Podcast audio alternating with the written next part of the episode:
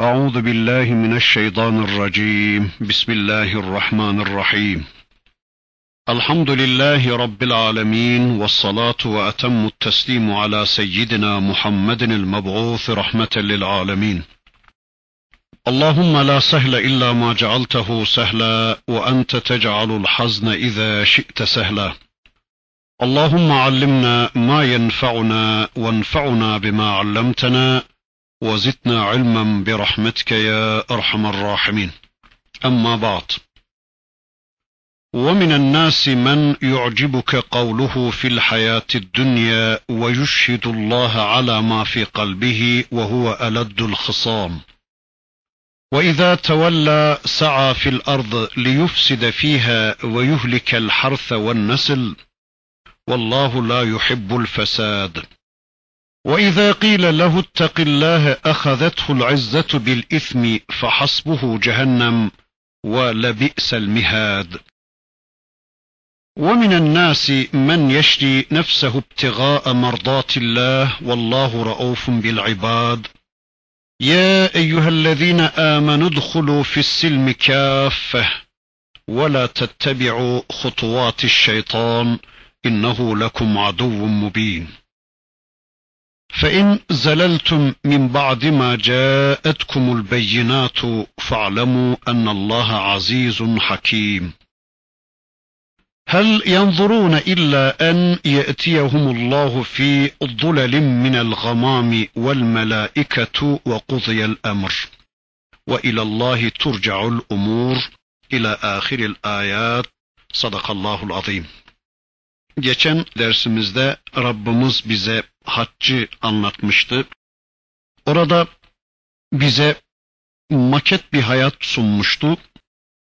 Hac eden kullarına haç bittikten sonra en son Allah'ı zikretmelerini, Allah'ı gündeme almalarını, hayatlarının her bir alanında Allah'ı büyükleyerek, Allah'ı tekbir ederek, problemlerinin çözümünü Allah'a ve Allah'ın kitabına havale ederek Allah'ı gündeme almalarını, vahyi gündeme almalarını ve haş bittikten sonra ülkelerine döndükten sonra orada kendilerine sunulan maket hayatın aynısını bir ömür yaşamalarını istemişti.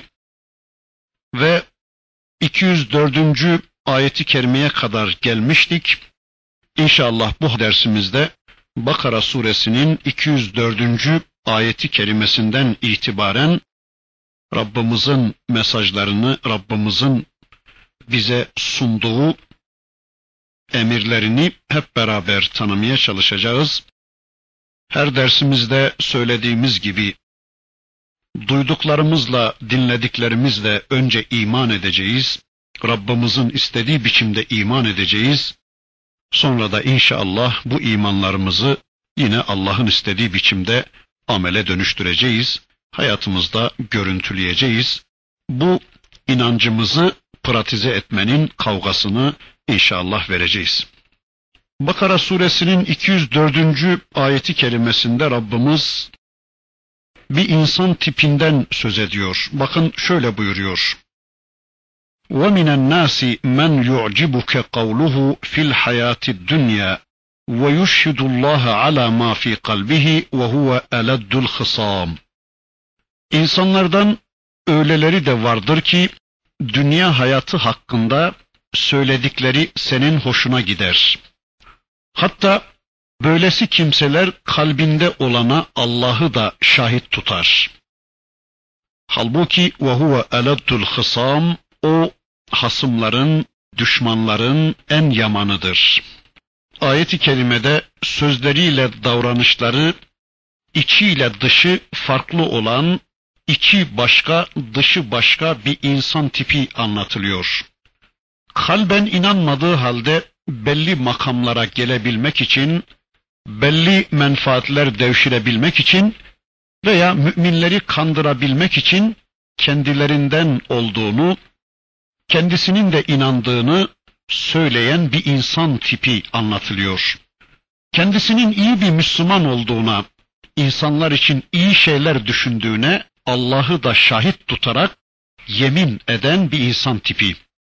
Vallahi benim iyilikten başka bir şey düşünmediğime Allah şahittir. Ben şahsi çıkar için değil, Allah şahittir ki insanlığın kurtuluşu için çırpınıyorum gibi tatlı tatlı sözler, parlak ifadeler ve yeminler ederek insanları kandırmaya çalışan bir insan tipinden söz ediyor Rabbimiz. İşte seçimler yaklaşırken bu tür insanları çok görürsünüz. Vatan, millet, Sakarya, ezan, bayrak, kitap, iman gibi inanmadıkları mukaddes mefhumları ağızlarına alarak biz de Müslümanız. Bizim derdimiz de Müslümanlara hizmettir diyerek Müslümanları kandırmaya çalışırlar. Müslümanlara emniyet telkin ederek, Müslümanlara güven telkin ederek onların oylarını almaya çalışırlar. Halbuki Allah buyurur ve huve eleddul hısam. Oysa o azılı bir düşmandır. O düşmanların en yamanıdır diyor Rabbimiz. Tatlı dilleriyle Müslümanlardan görünerek onları aldatan ve sonunda onların dilleriyle Müslümanların imanlarıyla ve tüm mukaddes mefhumlarıyla oynayan azılı bir düşmandır o diyor Allah. Yani kalbinde olmayan şeyleri diliyle söyleyen, diliyle söylediğini hayatıyla yalanlayan azılı bir düşmandır o. Müslüman görünmeye çalışsa da dışarıdan sözleri hoşunuza gitse de aldanmayın bu tür insanlara diyor Allah. Hayatlarında inandığınız mef mefhumların kokusu bile olmayan, imanın, İslam'ın kokusu bile olmayan, İslam'la uzaktan ve yakından en küçük bir ilgileri olmayan bu tür insanlara güvenmeyin diyor Allah. Yani insanları sırf sözlerine göre değil, amellerine göre değerlendirin diyor. Ağızlarıyla ne söylerlerse söylesinler. Siz onların söylediklerine değil, amellerine bakın diyor Allah. Bakın bu adam ayetin devamında özellikleri şöylece açıklanıyor. Ve izâ tevella sa'a fil ardı liyufside fiha ve yuhlikel harfe ve nesle vallahu la yuhibbul fesat. Ve izâ tevella o dönüp gittiği zaman yahut izâ tevella bir iş başına geçtiği zaman, veli olduğu zaman li yufside fiha ve yuhlikel harse ve nesle vallahu la yuhibbul fesat. Yeryüzünde ortalığı fesada vermek, fesat çıkarmak, ekinleri tahrip edip nesilleri bozmak için çalışır bu adam. Vallahu la yuhibbul fesat. Halbuki Allah bozgunculuğu sevmez. Allah ifsad edenleri, fesat çıkaranları sevmez. Bakın işte bu adam tevella edince bu tevella kelimesinin anlayabildiğimiz kadarıyla iki manası vardır. Birincisi senin yanından ayrılınca, sizin yanınızdan ayrılınca yani o atmosferi terk edip de kendi dünyasına dönünce demektir bunun birinci manası. Ya da İslam'dan, kulluktan, vahiden sırt dönüp gidince. Vahye Allah'ın hayat programına arkasını dönüp kendi bildiğince bir hayat yaşamaya yönelince demektir. Yani kitap ve sünneti terk edip kendi heva ve hevesleri istikametinde bir hayat yaşamaya yönelince demektir. Bu tevella kelimesinin ikinci manası da bir iş başına geçince demektir. Yani veli olunca. Birilerinin velayetini üzerine alıp idareci olunca demektir. İşte Müslümanların velayetlerini alıp iktidarı ele geçirince aslında kafirlerin Müslümanlar üzerinde velayet hakları yoktur. Bunu Müslümanların çok iyi kavramaları gerekir. Kafirlerin, dinsizlerin, inanmayanların Müslümanlar üzerinde velayet hakkı yoktur. Kafirlerin Müslümanlar üzerine veli olup, vali olup onlara danışmadan onlar adına karar verme makamına getirilme hakları yoktur. Yani kafirlerin böyle velayet makamlarına getirilmeleri yasaktır. Ama işte ayeti kerimede anlatıldığı gibi tatlı dilleriyle Müslümanları kandırıp bir fırsatını bulup bir yolunu bulup da Müslümanlar üzerine veli oldukları zaman bu tür insanların yapacakları işler bakın şunlarmış Rabbimiz anlatıyor. Yeryüzünde fesat çıkarmak. Yani Bakara suresinin evvelinde fesadın ne anlama geldiğini, yeryüzünde düzen bozmanın ne anlama geldiğini uzunca demeye çalışmıştım. Yani yeryüzünün dengesini bozmak. Allah'ın yeryüzünde koyduğu düzeni bozmak. Ekinleri ve nesilleri yok etmek için, ekini ve nesli telef etmek için, bozmak için sahi etmek ve koşturmakmış bu tür insanların görevleri. Birinci işi ifsad etmek olur bu adamın. İfsad, küfrü yaymak, küfrü hakim kılmak, küfrü ve şirki hakim kılmaktır. Yani Allah'ın yeryüzünde koyduğu düzeni değiştirip, ilga edip, onun yerine başkalarının düzenlerini ikame etmek demektir. Bir de nesli bozmak için çırpınır böyleleri. Allah diyor ki bunlar nesli de bozarlar. Nesli bozarlar bu adamlar. Nesli itlaf ederler. Yani ümmeti Muhammed'in neslini telef ederler. Peki nasıl bozarlarmış nesli? Eğitimle bozarlar. Dinden, imandan, Kur'an'dan uzak, tamamıyla materyalist bir eğitim sistemi kurarak ümmeti Muhammed'in neslini bozarlar. Müslümanların çocuklarının başlarını açtırarak hayasızlaştırırlar. Onları ve iffetlerini, namuslarını bozarlar. Veya doğum kontrolü adı altında yalanlarla ümmetin çocuklarını daha doğmadan öldürmeye çalışarak telef ederler. İşte görüyoruz insanların yataklarına, yatak odalarına kadar uzanıp orada ne ekeceğine de onlar karışırlar. Bunu da yaparlarken tatlı sözlerle onları ikna etmeye çalışırlar. İşte Rabbimizin ayeti kerimesinde ifade ettiği veçile iyi niyetli olduklarını, kendilerini düşündüklerini söylerler. Efendim işte sizler az gelişmiş veya işte gelişmekte olan insanlar olarak sıkıntı çekmeyesiniz. Aç ve açıkta kalmayasınız diye size geldik derler. Bakamayacağınız, besleyemeyeceğiniz çocuklarınızı daha doğmadan boğmaya geldik derler. Size şirin görünmeye çalışırlar. Tatlı dillidir hainler. Hasta olmayasınız, çocuklarınız felç olmasınlar diye aşı yapmaya geldik derler.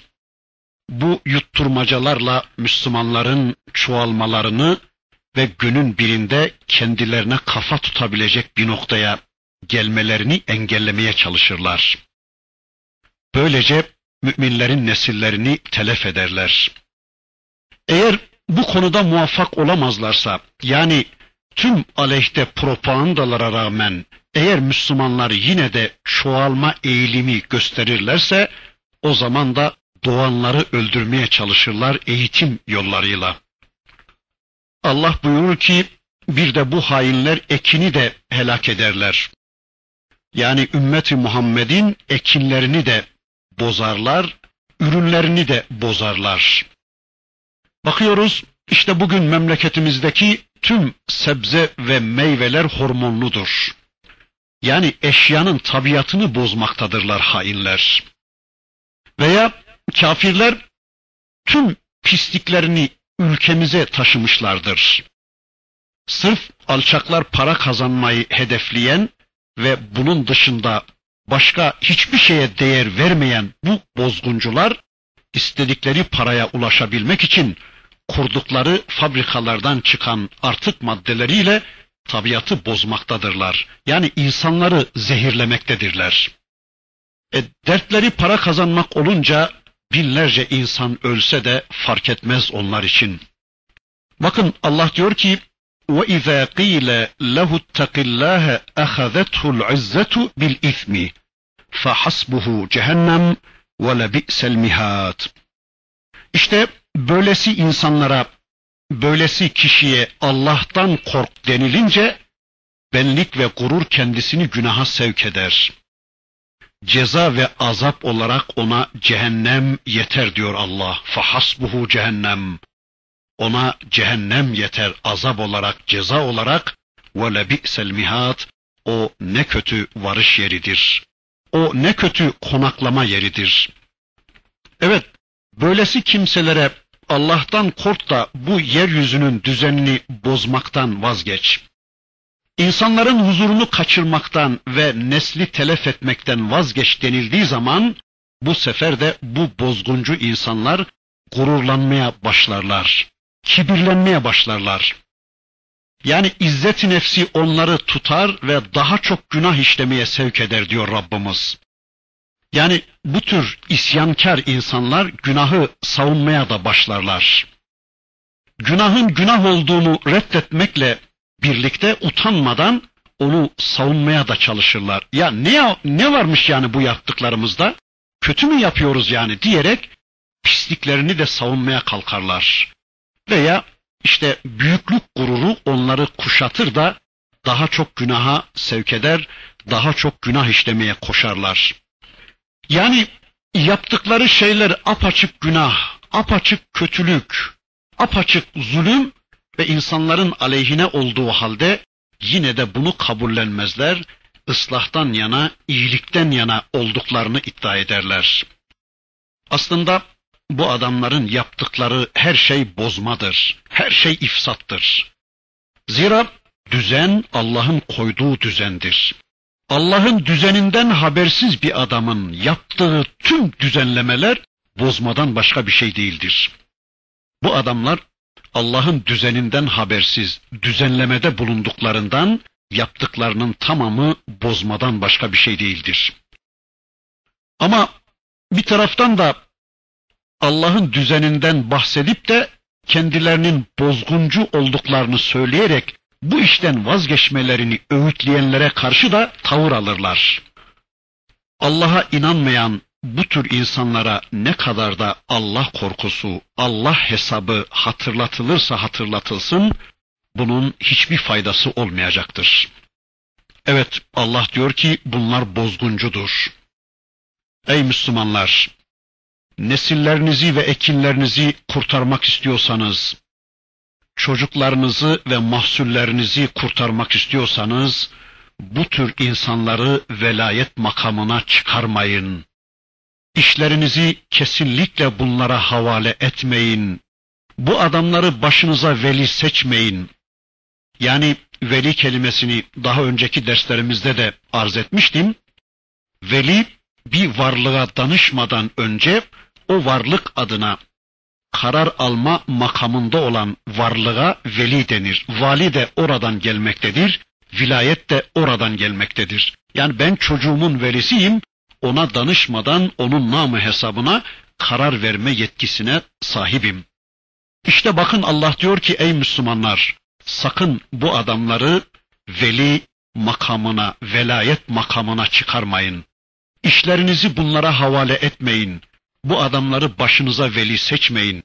Sizin adınıza size danışmadan karar verecek makamlara bu tür insanları getirmeyin, bu tür insanları oturtmayın.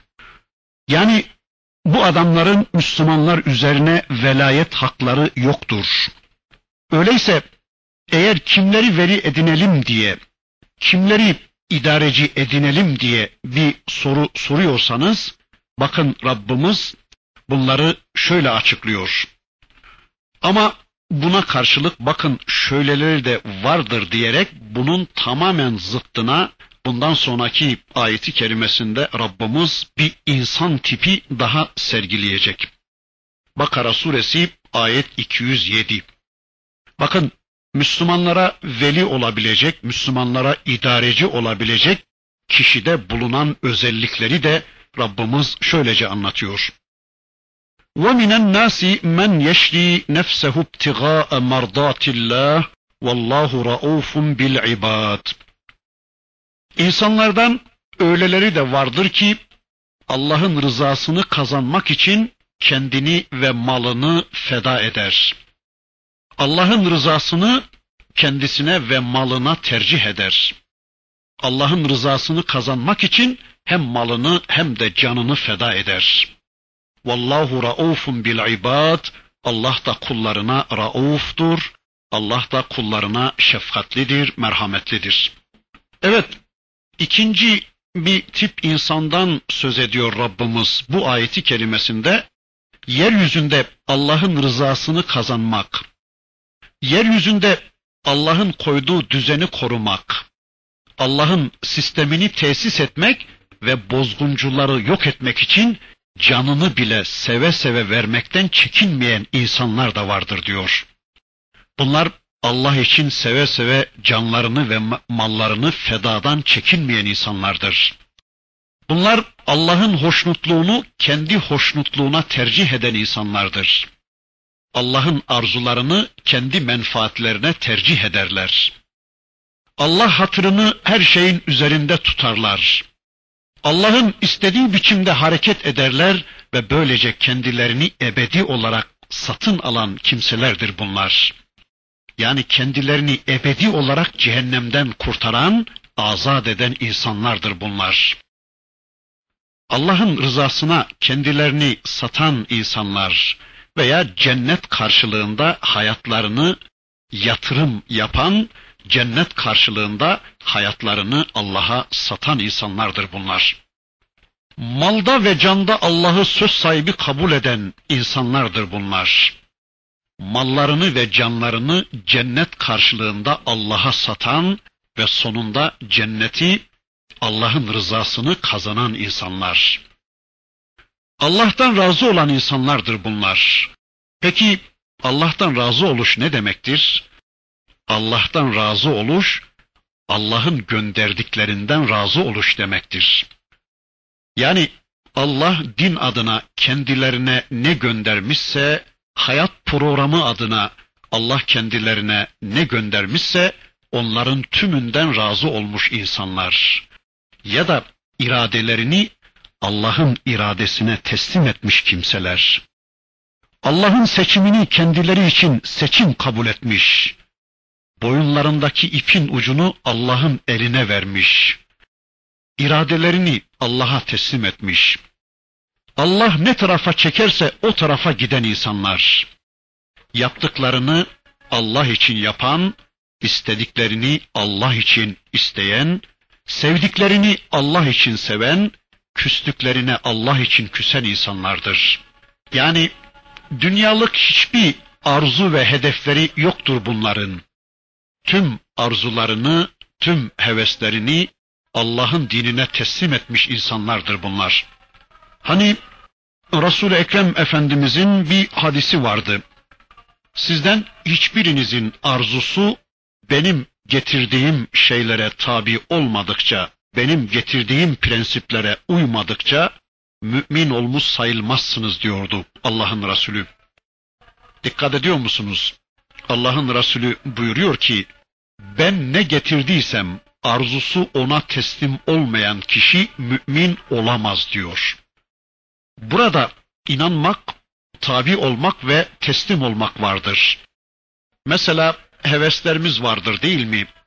Niye heveslerimiz vardır? İşte elbisede, giyimde, kuşamda, yemede, içmede, gezmede, tozmada arzularımız, heveslerimiz vardır.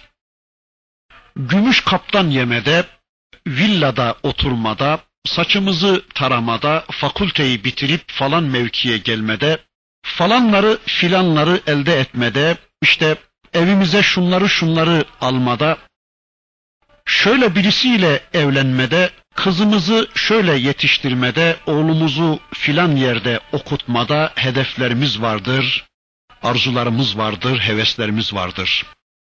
Hulasa kişinin hayatının her bir kademesine ait amaçları, gayeleri, hedefleri, yöneldiği kıbleleri vardır.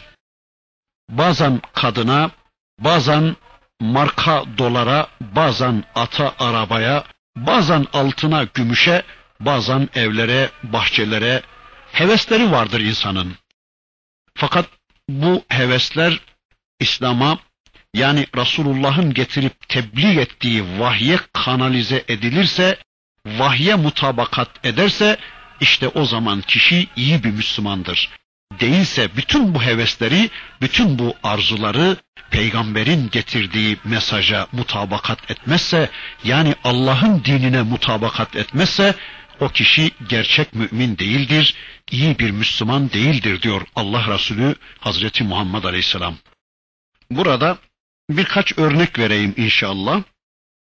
Mesela paraya hevesi var bir adamın olabilir ama ona kul köle olma adına değil de Allah'ın takdiri olarak kendisine gelen parayı kişi onunla hava atmak, olmayacak yerlerde onu harcamak yerine onunla Allah'ın rızasını kazanabileceği, kendisine, ehline, Müslümanlara harcayabilirse o zaman kişinin bu hevesi İslam'a kanalize olmuş demektir.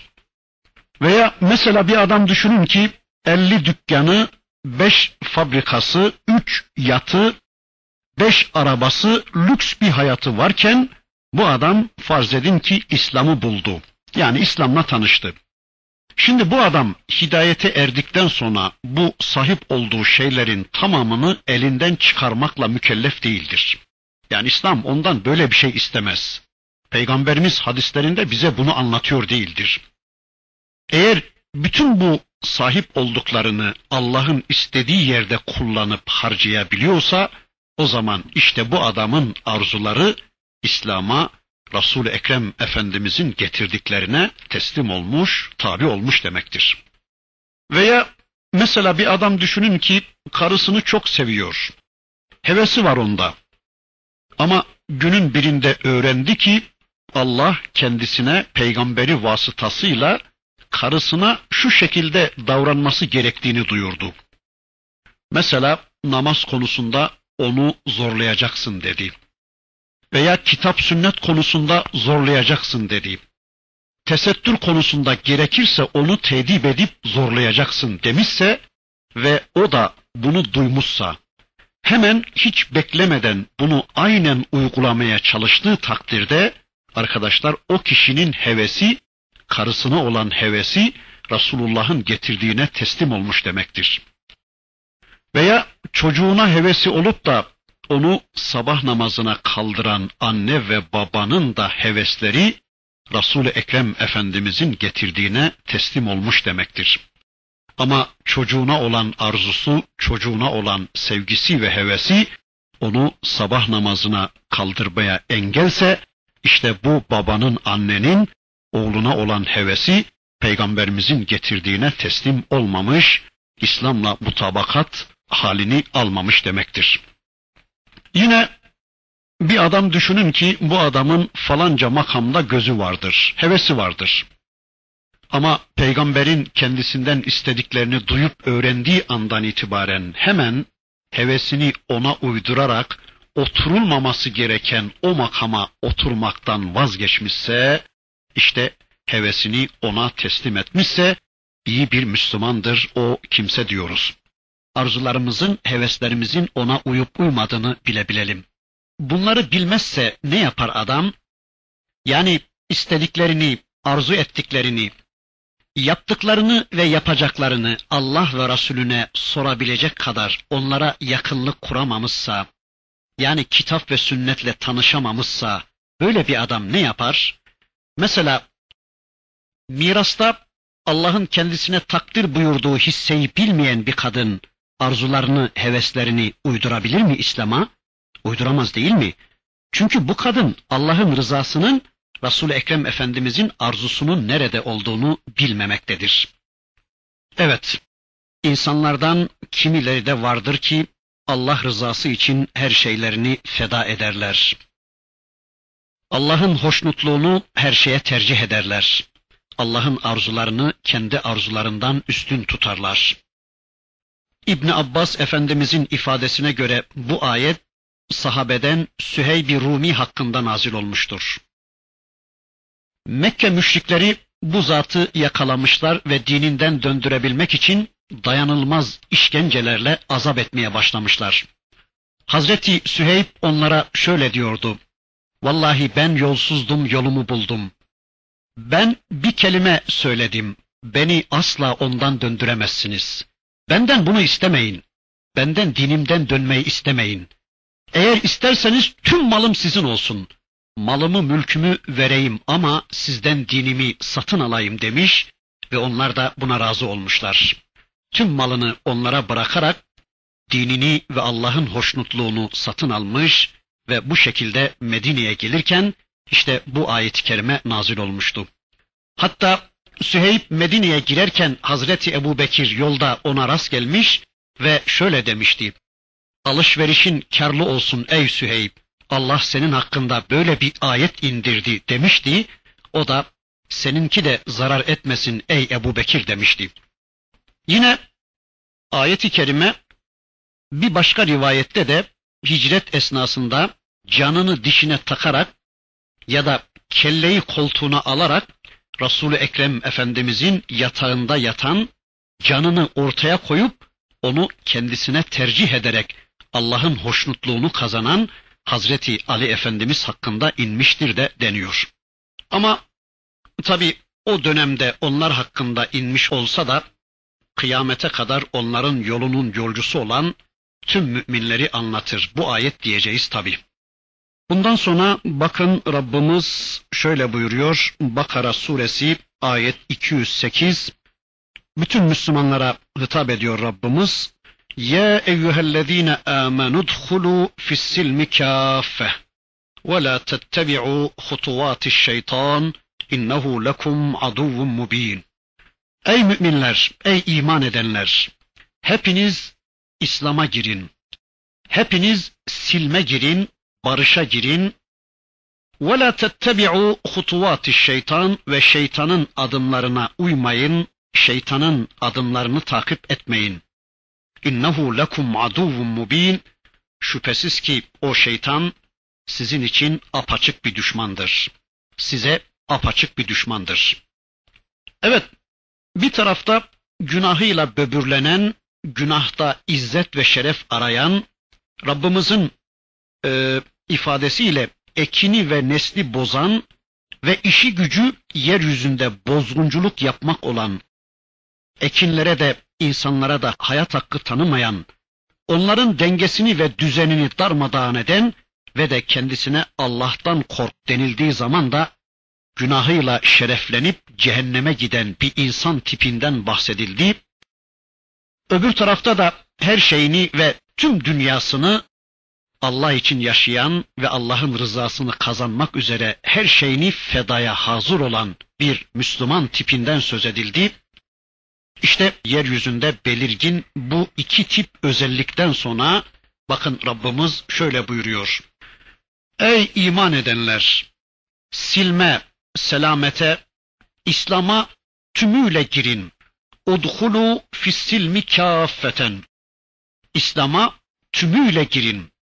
Yani hayatınızı tamamıyla Allah'a teslim edin. Hayatınızın tümünde Allah'ı söz sahibi bilin. Hayatınızın tümünde Allah'ın kulu olduğunuzu unutmayın. Hayatınızın tümünde Müslüman olun. Hayatı parçalamayın.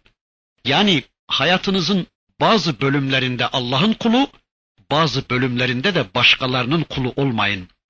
Veya bazen Allah'ı, bazen de başkalarını razı etmeye çalışmayın. Hayatınızın ibadet bölümlerine Allah'ı karıştırıp öteki bölümlerinde başkalarına söz hakkı vererek şirke düşmeyin. Hayatı parçalamadan yana olmayın. Ey Müslümanlar! İslam'ı bir bütün olarak kabul edin. İslam'ı parçalamaya kalkmayın. Yani her bireriniz İslam'ın bir bölümüne tutunup her bireriniz İslam'ın belli bir bölümünü bayraklaştırıp İslam'ı da kendinizi de parçalamayın. Namazı kılıyorsunuz, orucu tutuyorsunuz güzel ama İslam'ın tesettürünü de kabul etmek zorundasınız. Veya İslam'ın ekonomisini de kabul etmek zorundasınız. İslam'ın miras konusunu da kazanma harcama anlayışını da kabul etmek zorundasınız. Yani hayatın tümünde Allah'ın kulu olmak zorundasınız. Ya da inandık dediğiniz konunun amelini de gündeme getirmek zorundasınız. Ayeti bir de böyle anlıyoruz. İman ettik, inandık dediğiniz konunun amelini de, pratiğini de gündeme getirmek zorundayız. Değilse sadece inandık demek yetmeyecektir.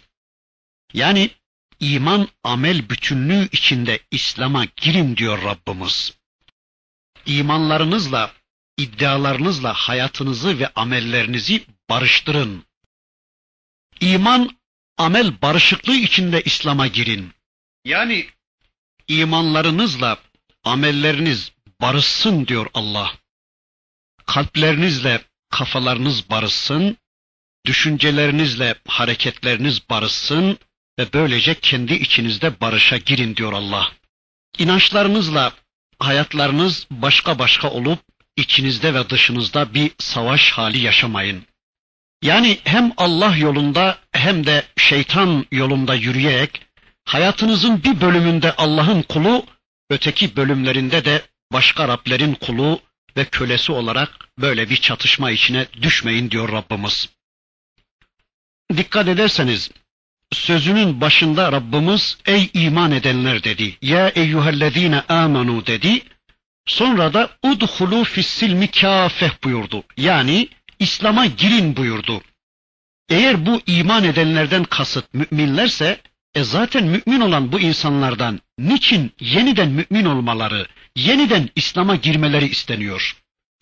Öyleyse anlıyoruz ki ey iman gösterisinde bulunanlar, ey inandığını iddia edenler, inandıklarını zannedenler demek olacaktır mana. Veya ey dilleriyle inandıklarını söyleyen ama kalpleriyle inanmayan münafıklar. Veya ey sadece iman iddiasında bulunup da inançlarını, imanlarını amelle hayatlarında görüntülemeyenler. Amellerinizle de bu imanlarınızı görüntüleyin, amellerinizle de bu imanlarınızı açığa çıkarın demek olacaktır mana. Bazıları da bu iman edenler tabirini ehli kitap olarak yorumlamaya çalışmışlar. O zaman da mana şöyle olacaktır. Ey ehli kitap! Sizler de İslam'a girin. Hazreti Adem'den bu yana kök olan, asıl olan bütün peygamberlerin ortak dini olan İslam'a sizler de girin demek olacaktır mana. Yani sizler de sulh edin. Ayrılığı, tefrikayı bırakıp İslam'a girin. Hazreti Adem'den bu yana bütün peygamberlerin ortak dini olan Allah'ın son dini, teslimiyet dini, İslam'a girin. Böylece sizler de tefrikayı bırakın demek olacaktır mana. Ayetin bir başka manasını şöylece anlamaya çalışıyoruz. Kâffeten yani hepiniz selamete girin. Ey insanlar, ey Müslümanlar, hepiniz selamete girin. Yani kimileriniz İslam'ı kabullenip, kimileriniz başka şeylerin peşinde koşarak derbeder bir hale gelmeyin. Hepiniz Allah'ın dinine girin ve yaşadığınız bir dünya hayatında da topyekün birlikte, hepiniz birlikte hareket edin. İslam'ın tümünü kabul ederek hayatı parçalamadan, kendinizi de parçalamadan yana olmayın. Tam Müslüman olun diyor Rabbimiz. Ayet-i kerime her türlü ayrılık, her türlü çatışma ve çekişmelerden uzak, toplumsal bir uyuşmayı, toplumsal bir uzlaşmayı emretmektedir. Yani Müslümanların birleşmelerini, Müslümanların bir araya gelmelerini ve böylece mümin olmalarını, kardeş olmalarını istemektedir. Bakın zannediyorum Enfal suresindeydi. Bu silim, silm kelimesi bakın e, barış anlamına, uzlaşma anlamına kullanılmış. Ayeti kerimede Rabbimiz şöyle buyuruyor. Ve in cenahu lis-silmi fencah leha ve tevekkel alallah innehu huves-semi'ul alim. Eğer onlar silme yanaşırlarsa, barışa meylederlerse sen de ona yanaş ve Allah'a dayan. Çünkü o Allah işiten ve bilendir.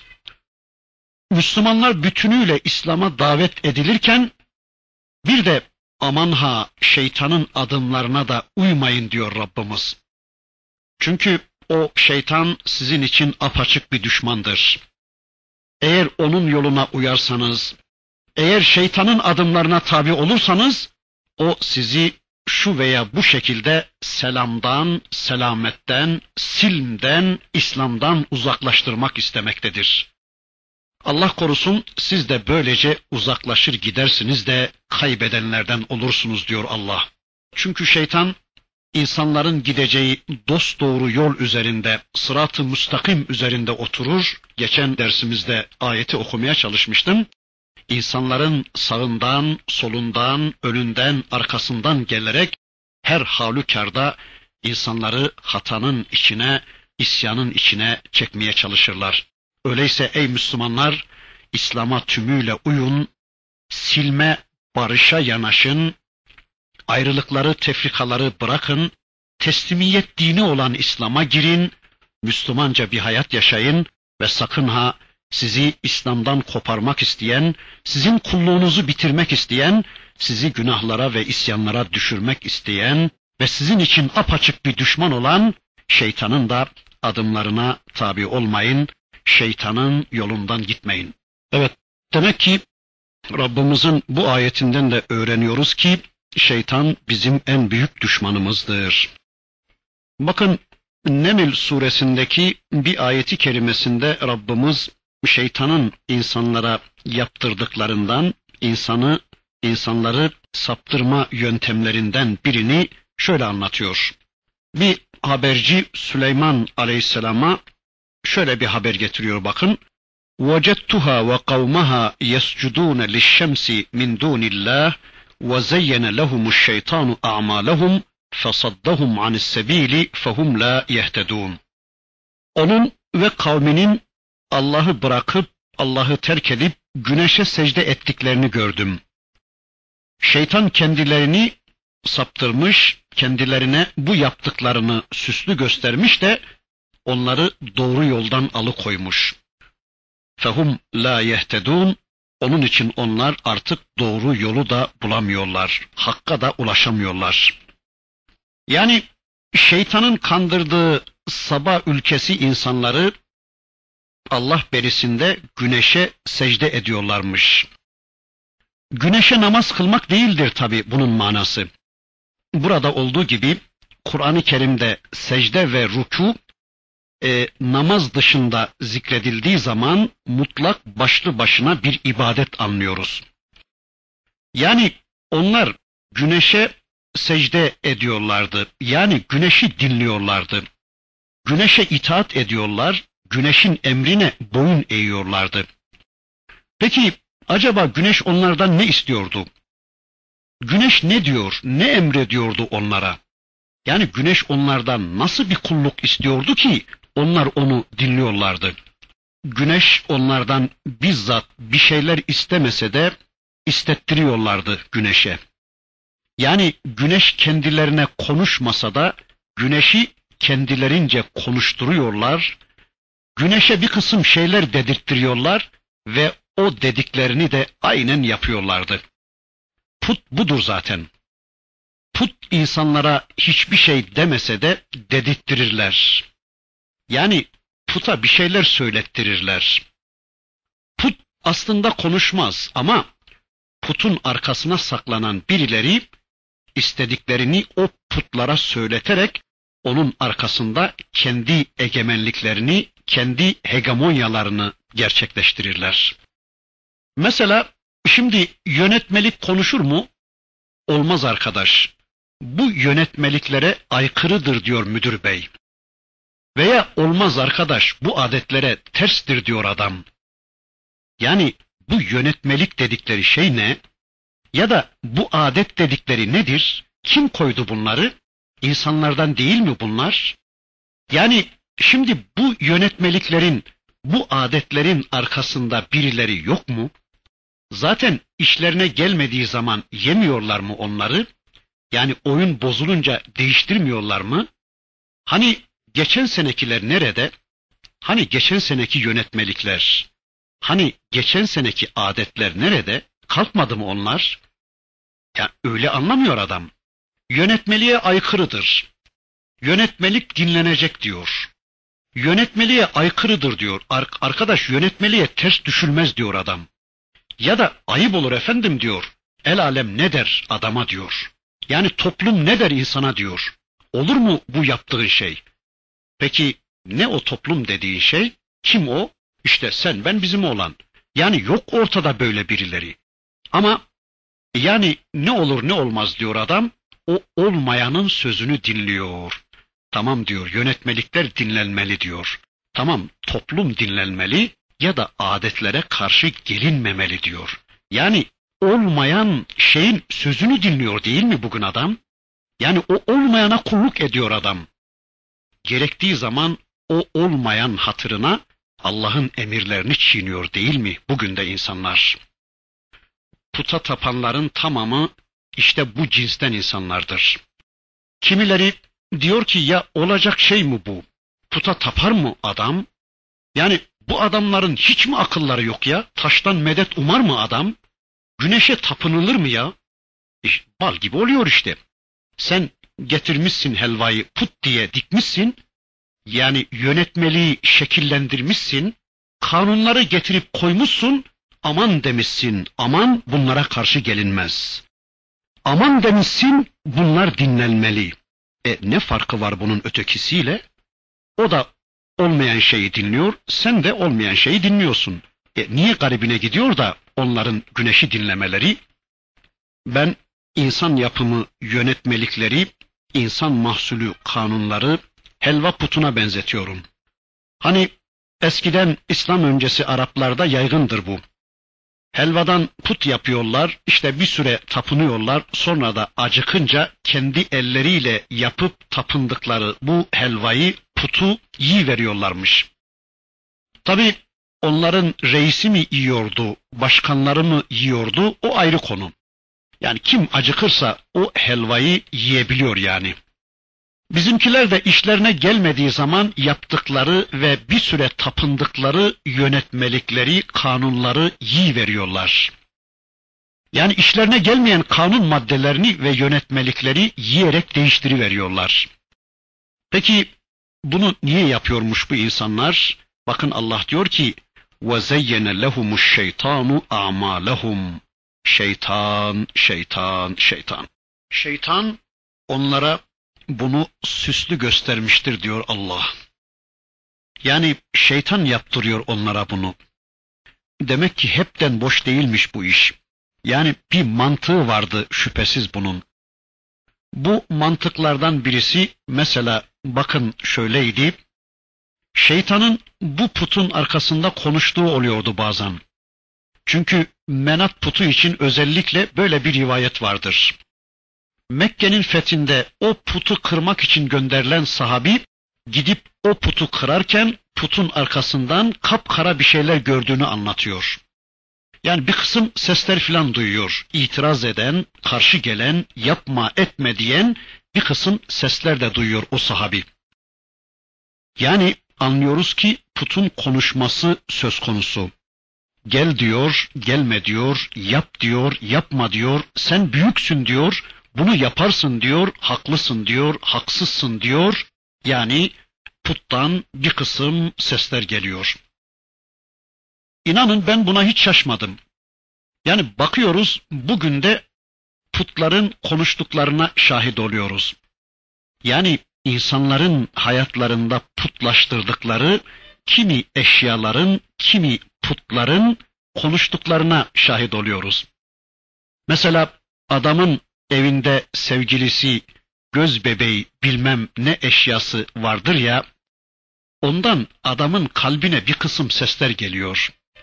Veya kapısının önünde bilmem kaç model bir şey var ya, veya işte yastığının altında putlaştırdığı, kendisine meylettiği bir şeyleri var ya, onlardan ona bir kısım sesler geliyor. Nasıl sesler geliyor mesela? Koru beni diyor, koru bunu diyor, saldır buna diyor, bana çizgi dokundurma diyor, bana laf getirme diyor, koru beni diyor, yap beni diyor, yıka beni diyor. İşte kimi eşyalar? Kadınlara sil beni diyor, yıka beni diyor, temizle beni diyor, süpür beni diyor. Yani sanki böyle sesler de geliyormuş putlardan. Yani bu işin bir mantığı böyleymiş anlıyoruz. Değilse hepten böyle mantıksız olarak adamın bu işleri yapması için yani gerçekten deli olması lazım. Mesela gidecek ve taşa diyecek ki putum ben yolculuğa çıkacağım bu konuda ne dersin? Yani çıkayım mı böyle bir yolculuğa çıkmayayım mı? Gerçekten bu hepten mantıksızlığın ifadesidir. Ama mantıklı da olsa, mantıksız da olsa şeytan yaptırıyor insanlara bunları. Allah diyor ki şeytan onlara amellerini süslü gösterdiği için bunlar bunu yapıyorlardı. Şeytan onlara bunları yaptırdığı için de onlar yollarını bulamadılar. Yollarını şaşırdılar diyor Allah. İşte alçak şeytanın tüm hedefi budur. Yani derdi neymiş şeytanın? Böylece insanlar yollarını şaşırıp bulamasınlar. Böylece secde edecekleri makamı bulamasınlar. Allah'a secde etmesinler diye şeytan insanlara bunu yaptırıyordu. Bakın bunu bir daha söyleyeyim. Çünkü burası gerçekten çok önemlidir. Şeytanın bu eylemlerinin tümünden şunu anlıyoruz. Şunu anlatıyor Rabbimiz. Şeytan insanların hayatına öyle bir program çiziyor ki onun Allah'a gitme ihtimali baştan bitiyor. Yani bu yanlışların arasında doğruyu bulma imkanı kalmıyor insanların. Şeytanın çizdiği programda Allah'a yer kalmıyor. Mesela arkadaşlar tıp fakültelerinde e, okuyan talebelere uygulanan program bugün biraz öyle gibi gözüküyor. Hani talebenin bütün hayatını, bütün gününü kapsayıveriyor bu program ve burada okuyan talebelerin Allah'a, Allah adına okumaya ya da Allah'ın kitabını dinlemeye zamanları bile kalmıyor. Ama mesela hukuk fakültesi öyle değil. Ondan dolayıdır ki hukuk öğrencileri kimi olaylara girebilecek zaman bulabiliyorlar. Ötekilerde hiç olmuyor yani. Çünkü zamanları yok buna. Öyle bir program ki bunsuz olmaz deniyor ve gece gündüz onun tüm hayatı talebenin, öğrencinin tüm hayatı bitiriliyor. İşte bakın şeytan da insanların karşısına öyle bir hayat programı çıkarır ki böylece insanların Allah'a gitme ihtimalini bitirir. O kadar işin aşın yanında, o karışık programın yanında ya da secde edilecek o kadar çok makam çıkarır ki şeytan insanların karşısına o secde makamlarının arasında insan Allah'a secdeyi bilemez, bulamaz. Öyle çeşitli yollar, öyle çeşitli programların içerisinde insanın Allah'a gitme ihtimalini bitirir şeytan. Bakın Allah diyor ki fesaddahum anis sebil yani karşısındakinin yolunu ne yapar yapar İslam'dan saptırır şeytan. E bunu beceremezse yani muhatabı her şeye rağmen yine de İslam'a girerse engelleyemezse onu İslam'a girmekten bu sefer de dinini yamultur diyor Allah. Yani dini eğri büğrü hale getirir. Yani o kişinin girdiği yolu, girdiği İslam'ı eğri büğrü yapmaya çalışır. Yani İslam'ını bozar adamın. Din yaşıyorum diye, dine inanıyorum diye bid'atleri karşısına çıkarır onun ya da din diye insanların sunduğu, aslını bir türlü öğrenemediği bir yığın felsefenin içine çeker insanı, yani Allah'ın kitabına, peygamberin sünnetine değil de insanların kitaplarına, insanların sözlerine sevk eder onu şeytan. Ya biraz daha açık söyleyelim. Allah'a değil de güneşlere, güneş gibi büyüklere secde etmelerini sağlar şeytan insanların. Allah dururken büyüklerin önünde secde ettirir. Güneş aslında büyük yıldızdır, değil mi? Böyle güneş gibi piyasada yıldızı parlayan niceleri vardır ki niceleri onlara secde etmektedirler onlara secde etmek için çırpınmaktadırlar Allah korusun. Evet Allah diyor ki bakın ya eyyühellezine amenu dhulu fis-silmi kaffe ve la tettebi'u hutuvati'ş-şeytan innehu lekum aduvun mubin. Ey Müslümanlar dikkat edin. Hepiniz toptan silme girin, İslam'a girin ve de sakın şeytanın adımlarına uymayın. Çünkü o şeytan size apaçık bir düşmandır. Sadece şeytana değil, şeytan adına hareket eden yeryüzü şeytanlarına da dikkat edin diyor Rabbimiz. Belki de şeytanların ya da yeryüzü şeytanlarının bugün en büyük başarılarından birisi de mümini diğer bir mümin kardeşiyle iman adına savaştırmasıdır. Yeryüzü şeytanları bugün müminleri müminlerle savaştırmaktadırlar. Hem de din adına. Devletler planında bu böyledir, fertler planında da böyledir. Yani işte görüyoruz şeytanlar bölmüşler Müslümanları gruplara, hiziplere ayırmışlar. Tıpkı Firavun taktiğiyle Allah korusun birbirleriyle savaştırmaktadırlar. Evet Allah buyurur ki sakın ha sakın ey Müslümanlar şeytanın size tarif ettiği hiçbir yola tabi olmayın. Şeytanın yoluna tabi olmayın. Tabi şeytanın yoluna tabi olmamanın yolu da Allahu Teala'nın bu kitabında bildirdiği küfür ve şirk yollarını bilmeye bağlıdır. Allah'ın yoluna tabi olmanın yolu da yine Allahu Teala'nın bu kitabında bildirmiş olduğu sırat-ı müstakimi tanımakla mümkündür. Dikkat ederseniz Bakara suresinde bu ikisi yan yana anlatılmaktadır. Yani bir tarafta iman, diğer tarafta küfür. Bir tarafta İslam, diğer tarafta şirk, bir tarafta Allah yolu, diğer tarafta şeytan yolları olduğu gibi ikili bir anlatımla anlatılmaktadır.